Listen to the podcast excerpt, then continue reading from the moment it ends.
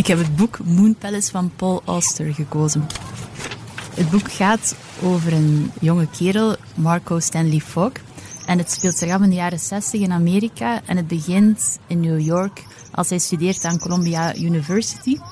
Hij heeft zijn moeder verloren en hij heeft van zijn oom geld gekregen om te gaan studeren. Maar zijn onkel sterft en het geld raakt op. En hij denkt er eens over na en hij besluit in plaats van de zaken aan te pakken, een jobje te zoeken, een lening te zoeken, gewoon niks te doen en te zien wat er gaat gebeuren. Dus het boek begint eigenlijk met de langzame uithongering van het hoofdpersonage. Ik associeer het met de zomer, omdat ik het ooit als eerste heb gelezen in de zomer dat ik hier bij de tijd begon te werken. Dus ik heb er veel positieve associaties mee. Van elke avond op de trein terug naar huis het boek te lezen. En ik vind het een, een goed boek, omdat het gewoon echt een heel goed verhaal is. Met heel veel leuke details. Het is niet te realistisch, er gebeuren vreemde dingen in.